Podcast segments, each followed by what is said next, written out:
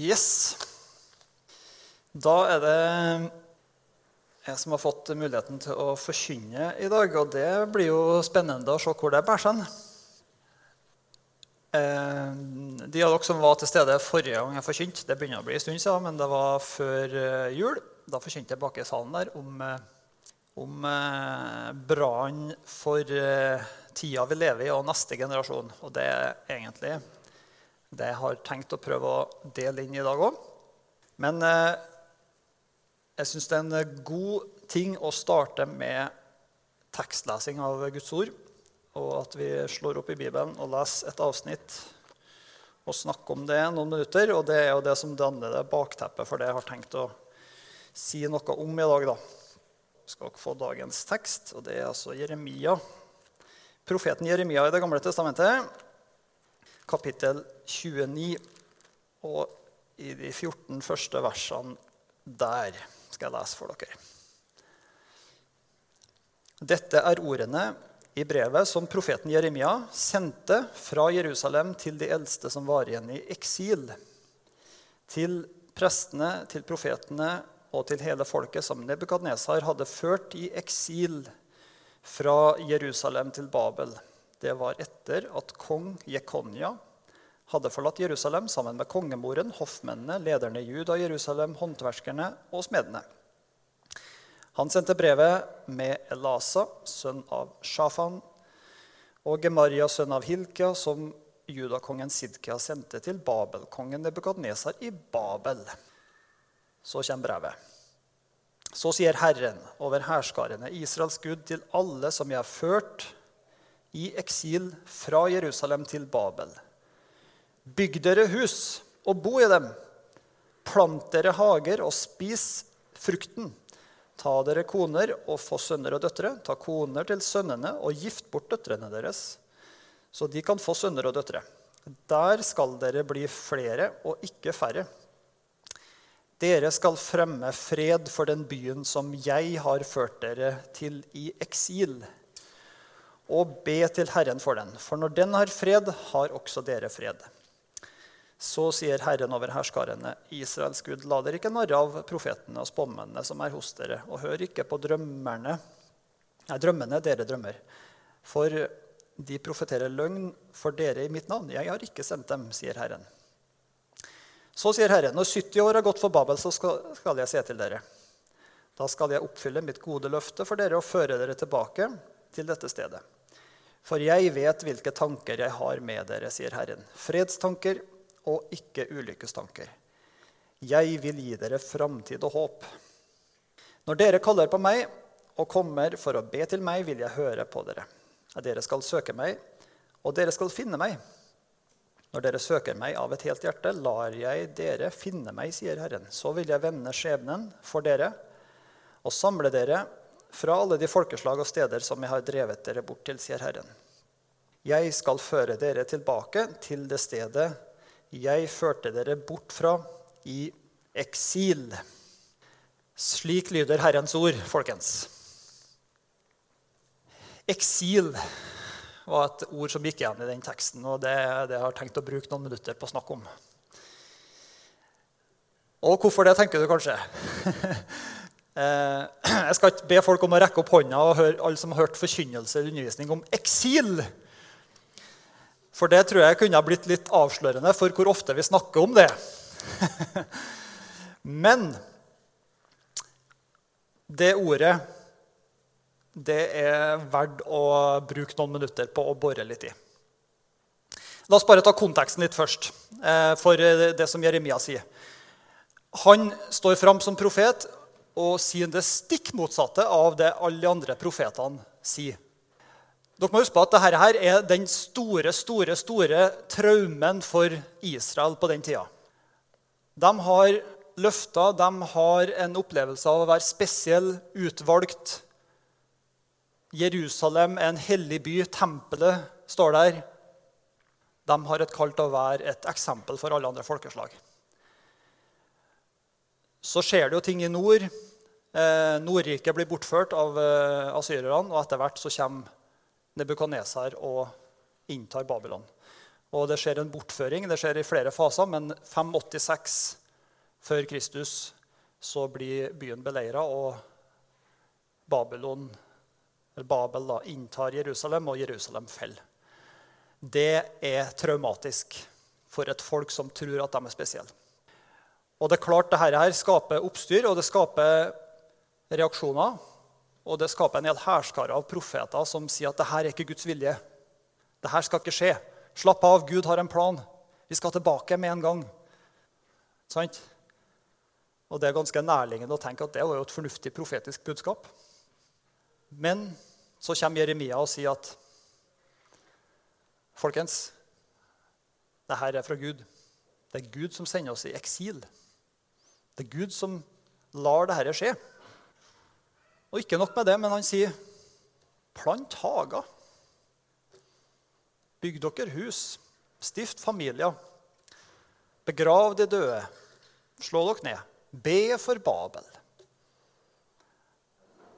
La Guds fred komme over dem. Og det må være utrolig forvirrende for folk å skjønne hva, Men skulle ikke vi være i Jerusalem, da? Eksil er et mye mye større tema i Bibelen enn det som vi vanligvis er vant til å høre. Jeg har sjøl oppdaga det siste. Veldig fascinerende, egentlig. Men utrolig mye av Guds folk sin historie handler om at de er ikke der de skal være. Ikke sant? De lever som fremmed. Det er jo det som ligger i begrepet eksil. Da, bare for å ta det først. Altså, eksil det handler om at du lever bort fra hjemlandet ditt. Du blir påtvunget at du er ikke der du egentlig hører hjem. Du har et annet hjemland. Og Sånn, sånn foregår det jo i dag òg. Men men eh, eksillivet det handler på en måte om at du, du, har, eh, du, har, et annet hjemland, og du lengter tilbake dit. Men du kan ikke være i hjemlandet ditt akkurat nå. Og Israelsfolkets historie handler i stor grad om det her. Om eksilet, om det å komme seg ut av Babylon. La meg ta noen linjer eh, sånn kort. Abraham ble kalt av Gud fra Ur i Kaldea, rett ved Babylon, bare for å nevne det. Babylon. Han, kjenner, han, eh, han havner jo ikke i eksil, han gjør jo det frivillig fordi han opplever Gud kaller ham til å bryte opp og til å leve i utlendighet. Han har sett noen ting fra Gud som gjør at han ikke kan være i hjemlandet sitt. Han må ut, han må reise. Og han starter en reise som pilegrim, som en som lengter etter noe annet som han ikke engang får se i sin egen levetid. De slår seg ned i Kanaan. De, eh, de, blir jo en storfamilie, en slags klan, kan du si. Og så havner de jo i Egypt, som dere kjenner. Og så i Egypt så eh, går det jo bra så lenge Josef lever, men etter hvert så blir de eh, slaver for egypterne. De havner i eksil. De eh, blir pålagt tvangsarbeid og, og, eh, er der i 400 år. Og så Etter hvert så, så skjer jo utgangen fra Egypt. De, eh, de, bryter opp, og de kommer seg ut. Samtidig så har det skjedd noe med dem mens de var i Egypt. De har gått fra å være en stor familie, en klan, til å bli en nasjon. Gud har gjort noe med dem. De er et slags ja, kan vi kalle det skjebnefellesskap. Vi hører sammen. Vi er et tolvstammefolk. Og vi reiser sammen ut for å innta det lovede landet. Og Der bor de. De bor der en stund, og så havner jo da den andre perioden i eksil, der hvor de havner i Babylon og er der i ja, 70-50 år. Det er litt, eh, litt hvordan du teller for bortføringa skjer i litt forskjellige puljer. Mens de er i Babylon, så skjer det utrolig mye med det jødiske folket sin identitet og historie. Det sies jo da at det er i Babylon, når de er der i eksil, at store deler av eh, i hvert fall det som er de eldste skriftene i Det gamle testamentet, blir nedtegna. Det går fra å være muntlig overleveringer og eldre manuskripter til at det blir redigert til mye av det som vi kjenner i dag som Det gamle testamentet. Sånn at det gjør noe med måten vi forstår Det gamle testamentet på. Det er ikke en seierherreerklæring. Det sies jo ofte at eh, historien skrives av seierherrene. Ikke sant? Det stikk motsatte gjelder for Det gamle testamentet. Det er ikke seierherrer som skriver den beretninga. Det er et folk i eksil. Det er en minoritet. Det er folk som ikke har kommet dit de vil ennå. Men de har en lengsel etter noe der framme, noe som Gud skal gi dem. Messias-forventninga vokser fram, blir tydeligere i det jødiske folket sin tradisjon. Og de er mer bevisst på at de er Guds utvalgte folk. Vi er jødene. Og tekstene bærer preg av det. Det er et tema som går igjen i hele Gammeltestamentet. Hvis dette var nytt for det, så inviterer jeg til å lese Det gamle testamentet på nytt. Ha med det i bakhodet. Det blir interessant. Så det er akkurat som om eksilet og nå kommer litt av det som jeg vil fram til, Eksilet gjør noe med identiteten, karakteren vår. Det gjør noe med oss. Og det er der Gud tar oss videre i sin plan for oss. Så kommer påstanden som jeg skal legge fram i dag, og det er at det fins folk som mener at vi er på tur inn i et nytt eksil i dag. I overført betydning. Jeg håper dere henger med på det. I overført betydning. Det skjer et utrolig kulturskift eh, i disse dager. Eh, kirka eh, mister makta og hegemoniet i samfunnet. Og en mye mer sånn eh, sekulær og nøytral og til dels antireligiøs eh, tankegang eh, vokser fram og kommer til å være det som blir mye mer toneangivende når neste generasjon vokser opp, enn den oppveksten som vi hadde. Bare noen, eh, noen få tall på det. Altså, hvordan eh, ting skifter. Altså, I dag så er det sånn at i Trondheim så blir 36% av alle nyfødte barn blir døpt i kirka. 36% Det er ganske radikalt mye mindre enn det var når jeg sjøl var nyfødt. Jeg har ikke akkurat tallet, men eh, om det er snakk om en halvering antageligvis. I Oslo er tallet 18% nyfødte barn som døpes i kirka. Det vil si 82% gjør ikke det. 82 Det er Norge 2021. Oslo. I Norge er tallet på landsbasis det er 43% sånn at Oslo jo, og Trondheim ligger jo på en måte litt langt fram. Vi er jo storbyer og i norsk forstand og, og utenfor bibelbeltet. Den norske kirka mista 150 000 medlemmer de siste fem årene. Det er veldig mye. Vi er jo ikke en del av Den norske kirke, så vi trenger ikke liksom å tenke at det er noe megakrise. Men det handler om hvilket klima er det vi vokser opp i. For det påvirker jo oss alle sammen, det òg. Så det jeg har lyst til å, å snakke litt om i dag og bruke så mye tid jeg har igjen, si, det er om ei bok som jeg leste i januar, som tar for seg på en interessant måte. Det her, nå ser dere bilde av en som heter David Kinnaman. Antar kanskje ikke så mange kjenner til han. Han er, han er leder for noe som heter Barna Research Group i USA. Han er forsker på kristenliv, spesielt i Amerika. Og han har skrevet flere bøker de siste årene. Han har skrevet en bok som heter 'You Lost Me', blant annet, som er en bok om, eh, om eh, barn og unge som vokser opp i kristne menigheter, som eh, går bort fra troa. Han har forska på det. Så det er han som blant annet har, har av det tallet med at jeg tror det var sju av ti som vokser opp på en eller annen måte ikke tilhører den samme kirka som voksne, eller distanserer seg fra Eh, enten kirka eller fra Jesus-troa generelt. Sju av ti. Når de tallene kom til Norge, så ble det slått alarm blant de fleste kristne lederne i Norge. Rett og slett fordi en skjønner at den utfordringa vi står overfor med at vitnesbyrdet om Jesus skal fremdeles være levende og stort i Norge de neste 40-50-60 åra, så er det nødt til å gjøres et skikkelig innsats. Og Det er egentlig det samme temaet som han kommer inn på i den boka som han ga ut i 2019, som heter 'Faith for Exiles', eller 'Tro for eksilkristne'. Her dukker det eksilet opp igjen. Og Undertittelen er da 'Fem måter for en ny generasjon å følge Jesus i det digitale Babylon, kaller jeg det. Hæ, nå snakker vi. digitale Babylon. Da er vi langt inn i, i det, er et, det er et begrep han har funnet på. Men jeg syns det er et ganske interessant begrep. Fordi at uh, måten uh, teknologi forandrer hverdagen og måten vi tenker på, det er ganske betydelig. Det kommer jo mer og mer kunnskap om, men jeg skal si bitte litt om det. Så planen min er å bare rett og slett komme med noen highlights fra den boka. For jeg tror vi har både godt av å høre det, og samtidig at vi kan sitte igjen med at hei, det vi gjør, det går det an å ha trua på. Begge deler, håper jeg. ok, er dere klar for det?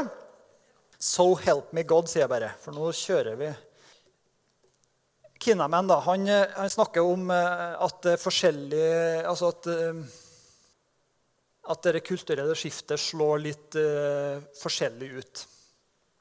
Og det, det, finner du på en måte belegg for i Bibelen. At det, noen, noen, velger på en måte å stille seg litt på sidelinja eller å ta avstand fra, fra ting. På grunn av, det kan være mange grunner til det, selvfølgelig. Og så har du alt eh, dem som har et distansert forhold til, til, tro, og som kommer på gudstjeneste av og til. ikke sant?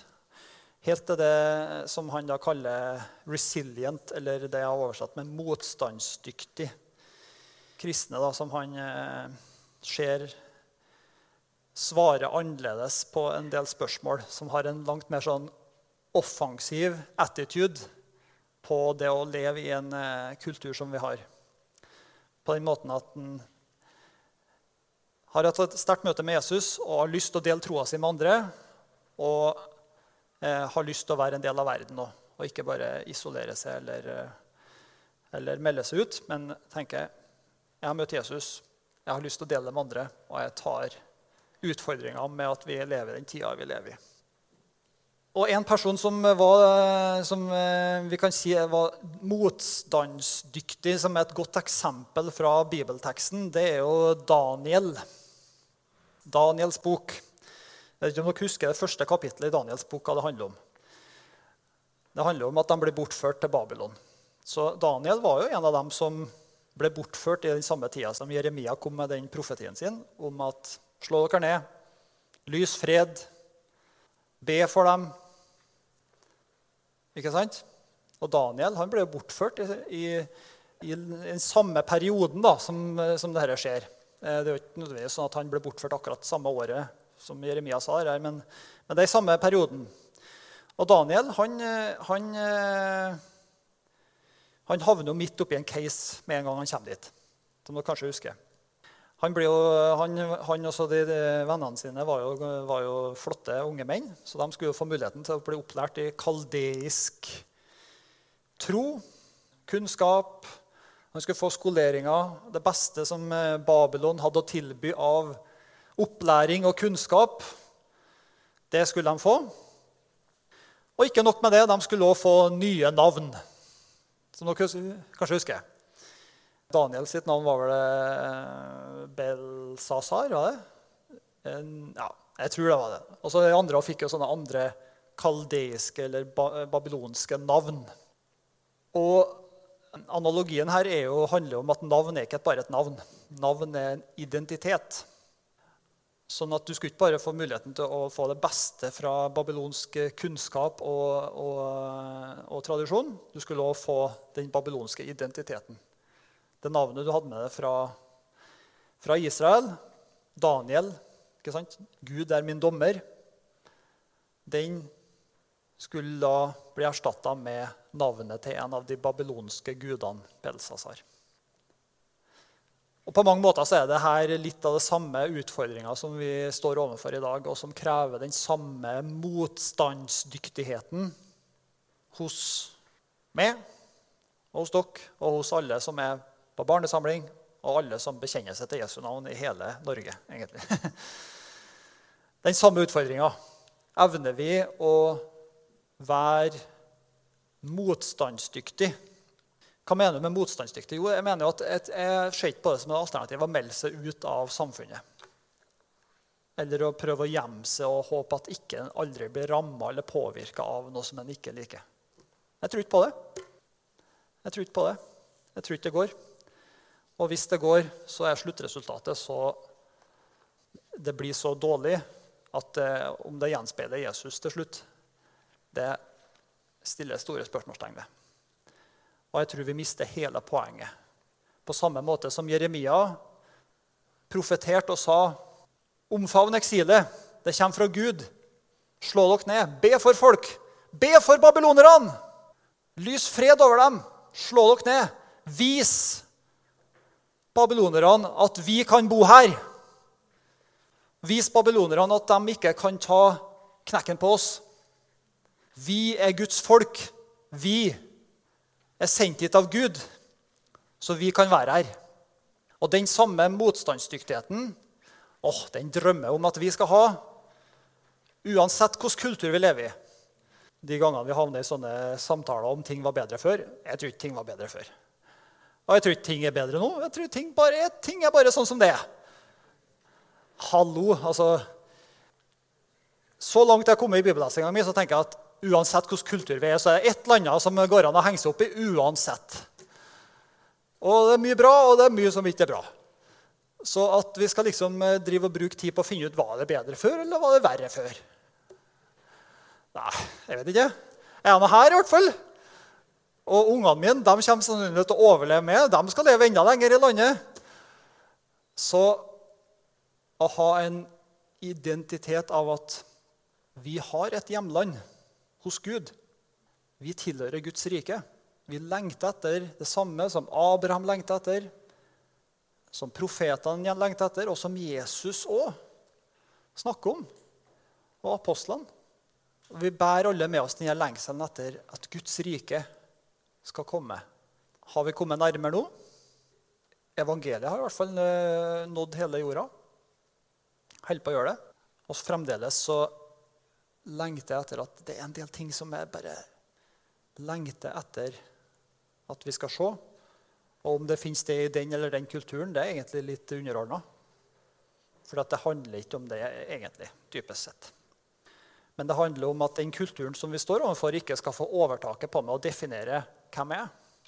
Og da trenger vi denne motstandsdyktigheten. Sånn som Daniel hadde, som nekta Han eh, ga jo aldri avkall på Daniel-navnet sitt. Det er det han bruker gjennom hele Daniels bok.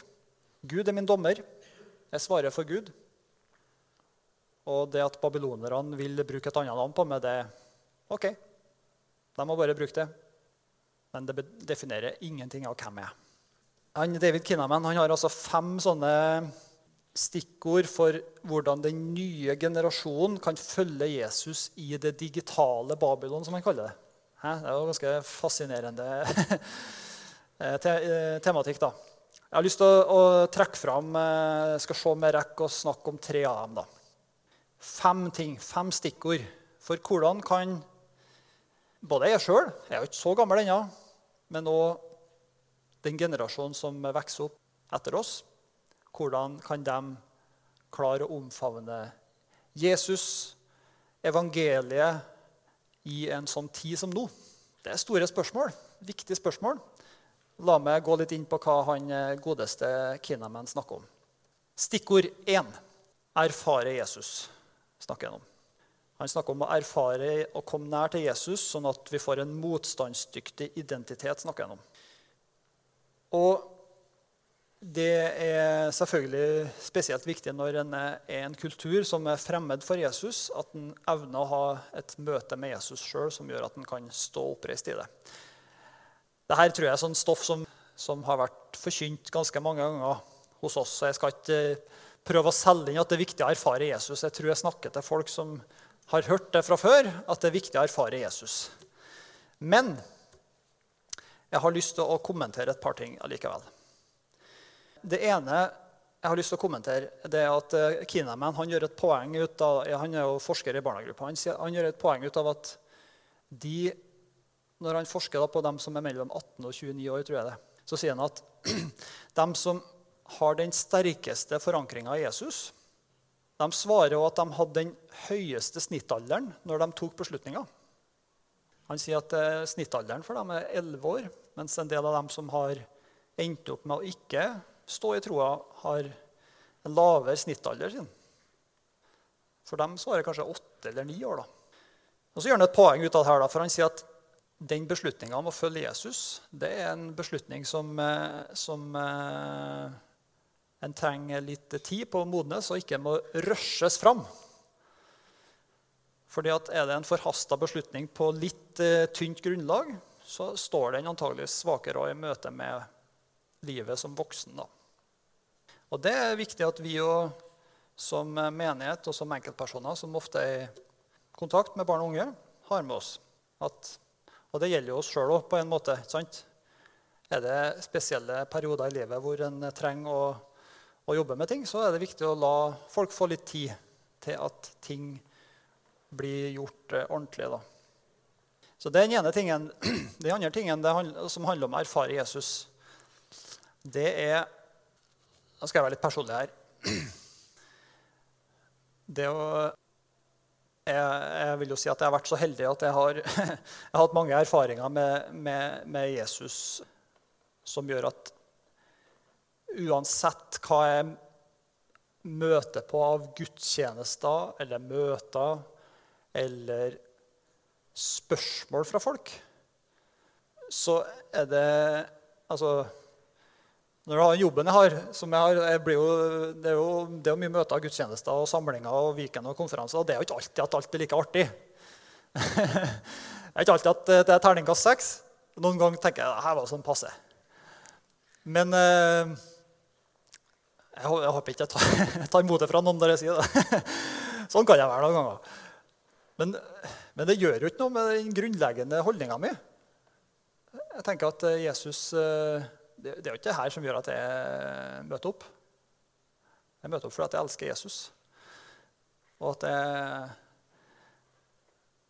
jeg elsker han nok til å være med på veldig mange ting som har med mennesker å gjøre. For jeg bare drømmer om at vi sammen, uansett hvilken forsamling jeg er, så drømmer jeg om at vi skal få erfare Jesus sammen. Og eh, så den ene tingen. Den andre tingen er at jeg har eh, noen ganger jeg husker tilbake på hvordan jeg har fortalt om mine opplevelser med Jesus, så har jeg av og til stussa på hvordan folk ikke blir så begeistra over historien som jeg sjøl var. Jeg vet ikke om dere har merka det, men eh, en gang jeg var i militæret, så fortalte jeg om at eh, nå er det nettopp blitt to stykker helbreda her. Og jeg tenkte at det her skal i hvert fall ta fletta av dere medsoldatene mine. Men de så ut som et stort spørsmålstegn. De skjønte jo ingenting. Mens han eh, andre kristne han snakka om at han hadde fått så veldig mye ut av å tenke på en kristen sang når han sto på oppstillingsplassen og det blåste og var dårlig vær. Og det gjorde inntrykk på dem! Og jeg bare tenkte, Men det var ikke mer imponerende at det var noen helbredelser ute i kveld? Jeg syns jo det. Og så og jeg har av og til vært i sånne situasjoner hvor når jeg har begeistra delt om erfaringer med Jesus, så har jeg merka at folk tenker ja, men jeg har ikke hatt en sånn opplevelse. Så jeg tenkte ja, men det var jo ikke derfor jeg fortalte. For at du skulle avskrive det sjøl. Og så har jeg lurt på ja, men hvilke erfaringer jeg kan snakke om da, som gjør at du ikke avskriver deg sjøl. Så når, jeg, holdt på å forberede meg til denne preika, så tenkte jeg Den gangen jeg bestemte meg for å følge Jesus Det var når jeg var på KVT på en sånn weekend. Det var en som forkynte om uh, Jeg husker ikke akkurat hva han forkynte om. Jeg snakka om noen livbåter, og sikkert at Jesus var livbåten. eller noe sånt. Jeg husker ikke. Det var et eller annet. Det er også lenge siden. Det Men jeg husker at det kom midt i en prosess hvor Gud overmanna meg på mine mørke sider i livet. For jeg har jo vokst opp i et eh, jeg vokste opp med evangeliet og vokst opp og hørt og vokst opp med å be og tro på Gud. Og så I ungdomsårene så følte jeg at jeg var så utrolig feig. Jeg torde ikke å Hver gang noen, noen eh, det var, på en eller annen måte ble snakk om at jeg var kristen, så bare tulla jeg det bort. For det, jeg var jo såpass eh, sosialt oppegående at det klarte jeg. Jeg fikk til å fleipe det bort. Får til å fleipe bort det meste hvis jeg går inn for det. skal jeg si. Jeg fleipa det bort. Så jeg slapp å svare på det. Det gjorde ikke mine kristne venner. De fleipa ikke bort. Så de ble jo litt eh, erta. Liksom. Nei, jeg fleipa bort. Og jeg følte meg så utrolig feig. Og eh, jeg vet at jeg kunne, jeg kunne være utspekulert nok til å, til å sette meg sjøl i et godt lys på bekostning av andre. De ferdighetene han hadde, for det var jo, når du var fotballgutt, så var det litt sånn at du kunne Det handla om å komme seg opp i hierarkiet. sant? Være litt over og ikke under. Og det spillet der, det, det kunne jeg jo henge med meg på. Det vet jeg. Så når, når den gangen på KVT hvor jeg bestemte meg vet du, Jesus, nå må jeg bare gi livet mitt til det, så handla det om at jeg måtte bare få bukt med den feigingen som, som ikke gjorde det han egentlig visste var rett. Og det var den jeg har tenkt på forberedt en prekar, at det, det, må være den erfaringa som, som jeg er nødt til å snakke om. Fordi at Ja, eh, jeg kan snakke om at jeg har vært med og bedt for folk som hadde blitt helbreda òg, men, eh, men, vet du hva? jeg vil at folk skal ta imot Jesus. At folk skal skjønne at det som eh, ligger bak, det er ikke noe annet enn at bare at du, du Jeg trenger Jesus.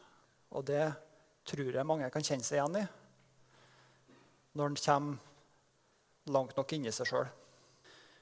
Jeg kan ta én historie til. og Det er en som heter Paul, nei, John Newton. tror jeg heter. Uh, han som skrev 'Amazing Grace'. Kan dere den amerikanske hymna? Amazing grace, how sweet the sound. Let's save the wretch like me. Du tenker jo på sånne amerikanske baptistmenigheter når du ser for deg den sangen med gamle folk som står i benkeradene i kjoler og skjørt og hatter og alt mulig og synger den sangen. Og realiteten er at det var en, en mann som skrev den sangen, som virkelig hadde en historie. Ta noen minutter på Det Det er en mann som eh, levde på 1700-tallet i England. Han var, han var involvert i slavehandel. Når eh, det britiske empiriet var på sin storhetstid med slavehandel og, og sånn. Og han var med på, på skipet som skipsgutt. Og så han, eh, kom han i unåde hos kapteinen. Han ble, han ble piska og så ble han kasta av i Sierra Leone og ble sjøl en slave. En hvit slave. I flere år så jobba han som så var han slave sjøl. Og så etter hvert så, så kom han eh, fri, da. Men så ja, han eh, endte jo sjøl opp med å være en del av den slavehandelen. Og I løpet av en sånn skipsseilas så, så eh, havner skipet i et eh, forlissituasjon. Han er nedi, nedi båten. og Det går på hull på båten, og vannet strømmer inn. Og Han kommer til et punkt i livet der han bare trenger å rope til Gud. Som Han aldri, han var jo ikke noe sånn mer kristen enn resten, men han ropte til Gud. Og båten kantrer på en sånn måte at mye av den der ballasten som er i båten, ramler. Og etter hans eget vitnesbyrd tetter igjen det hølet, sånn at båten slutter å ta inn vann. og Så de berger jo livet, da. Og han, eh, så han kommer seg tilbake. Han deltar i slavehandelen i seks år, men han klarer aldri helt å slippe tak i det som skjedde i den båten.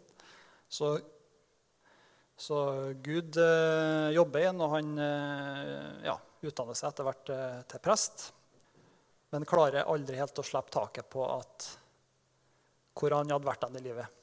Han hadde vært involvert i slavehandel. Han hadde vært med på, på en eh, forferdelig ting som han, som han aldri helt klarte å slippe taket på. Og så opplever en Guds nåde med at Gud berger livet hans på et mirakuløst vis. Og det er noe av bakteppet for at noen han da i gammel alder skriver 'Amazing Grace'. How sweet the sound that saved a wretch like me. I once was lost, but now I'm found. Was blind, but now I see. Det er ganske sterkt.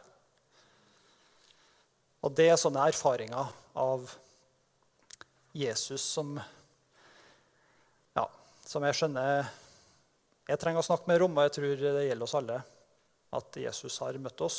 Og sånne typer erfaringer som er viktig, skal han stå oppreist og være motstandsdyktig i en kultur som forteller det en helt annen historie om hva kristen tro er for noe. Punkt to. Det er et ord som jeg syns har blitt utrolig viktig for meg de siste årene, og det er dømmekraft.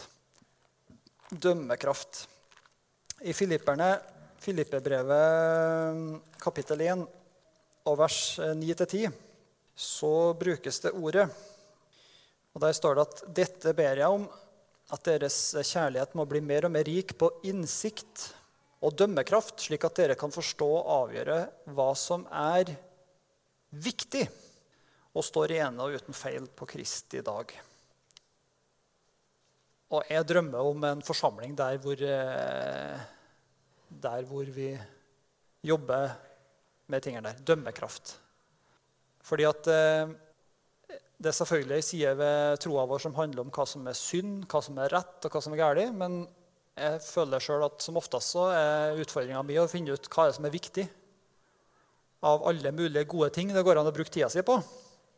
Det jobber jeg veldig mye med. Jeg ble eh, stresstesta på det en gang det var branntilløp i den leiligheten vi hadde på Lade. Hva var viktig for meg når vi måtte evakuere og springe ned trappenedgangen og vi kunne bare ta med oss én ting? Jo, da tok jeg med meg bryllupsbildet, selvfølgelig! Og hvor jeg har blitt mobba for de tingene der eh, etterpå. Det var, det var min dømmekraft, eller sviktende dømmekraft. kan jo kanskje Tone passa på å ta med eldstemann. Babyen det var kanskje òg viktig. Jeg tok med bryllupsbildet. oh, ja. Så hvis dere får brann noen gang, så prøv å huske på å ta med noe annet.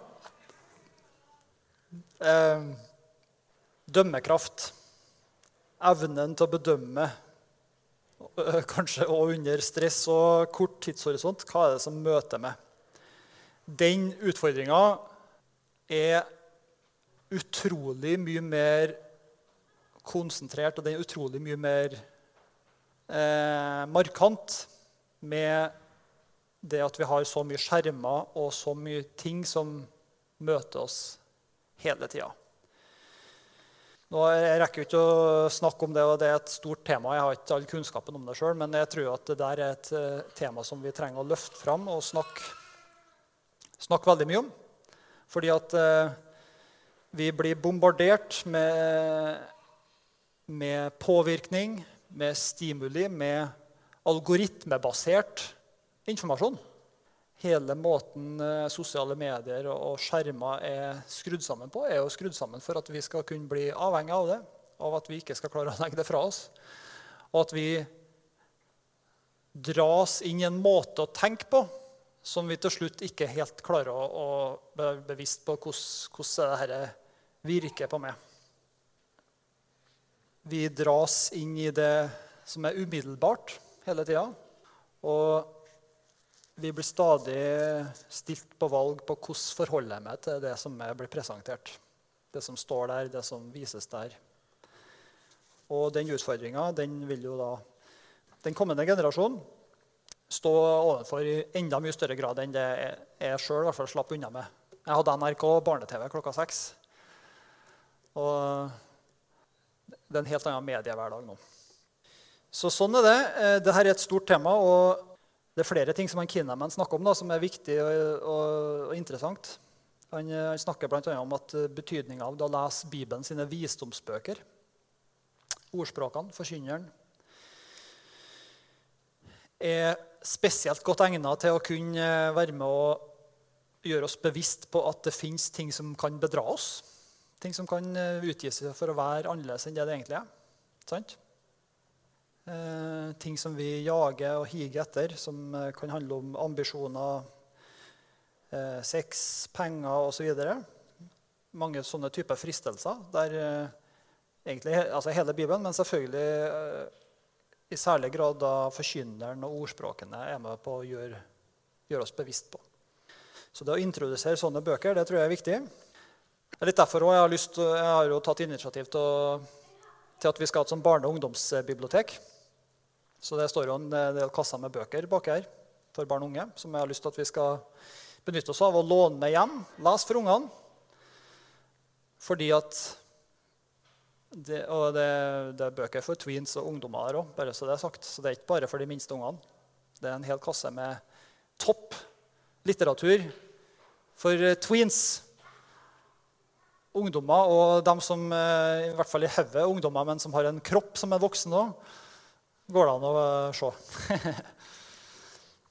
Eh, en del apologitikkbøker, blant annet. Og det, alt det handler om sant? utvikle dømmekraft. Og vi må, vi må, ha rom for å kunne snakke om ting uten å bli frykt for å bli sabla ned eller frykt for at liksom, å, hva tenker de om meg hvis jeg sier det. Sant? Jeg vil veldig gjerne være en talsmann for at vi skal ha en, eh, en forsamling hvor, eh, hvor, det går an å, å, stille spørsmål og snakke om ting og være underveis på spørsmål. Amen. Det siste jeg har tenkt å avslutte med, det er bygge sterke relasjoner på tvers av generasjoner. Det er Kinnaman sitt punkt, det er ikke mitt, men det kunne ha vært mitt og vårt. For det her har vi snakka om i mange år. Han sier at det er noe av eh, suksessformen for å kunne eh, skape en ny generasjon Jesus-etterfølgere i, det 21. århundre, i det digitale Babylon.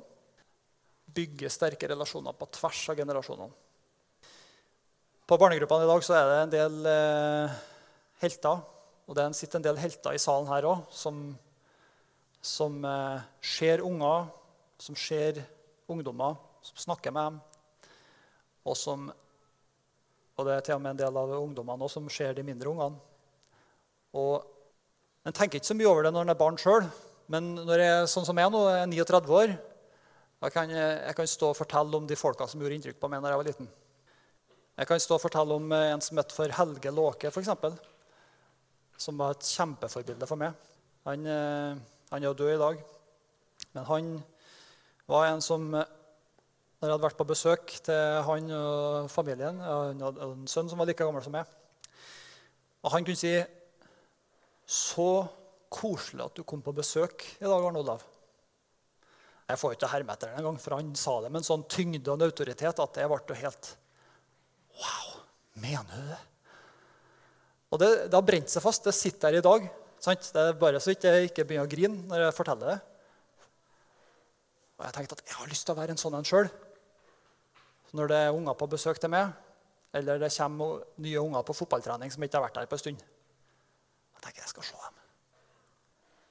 Jeg skal være den som planter noen ting. Fordi at jeg vet sjøl av egen erfaring hvor utrolig impact det har. Altså, Jeg husker jo ikke bare hva de snakka om på barne- og ungdomssamlingene oppe i Soknaren når jeg var liten. Det var i hvert fall ikke noe som gjorde inntrykk. det var sikkert om Jesus. Men jeg kan, jeg kan, plukke ut hver og en av de folka som var. Og jeg, jeg står en så stor takknemlighetsgjeld til alle sammen. Jeg ser for meg ansiktene. Og de, ikke, de tilhørte en gammel generasjon, så det var jo ikke akkurat veldig mye spetakkel på dem. Det var ikke, uh, ikke sant? Det var jo ganske dempa. Det var jo jordnære soknalinger det er snakk om her. Men det satte spor. De så meg. Og de smila til meg. Og de snakka med meg òg. Jeg fikk lov å sitte på fanget til noen av dem òg. Når jeg var liten, ja. Ikke når jeg var stor, nei.